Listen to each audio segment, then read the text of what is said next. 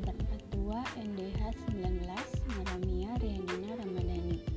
Kali ini dalam laksa CPNS, pembelajaran sikap perilaku, ASN ditempa untuk dapat melaksanakan sikap perilaku beragama, sikap perilaku pribadi, sikap perilaku berkeluarga, sikap perilaku bermasyarakat, dan sikap perilaku bernegara. Agar ASN dapat menjadi leader memotivasi, dan menjadi teladan dalam kebaikan. Dalam implementasinya sebagai ASN, melaksanakan tugas dan tanggung jawab di tempat bekerja sebagai wujud aksi bela negara. Sebagai contoh, kami yang bekerja di rumah sakit berusaha memberikan pelayanan yang paripurna terhadap pasien. Terima kasih.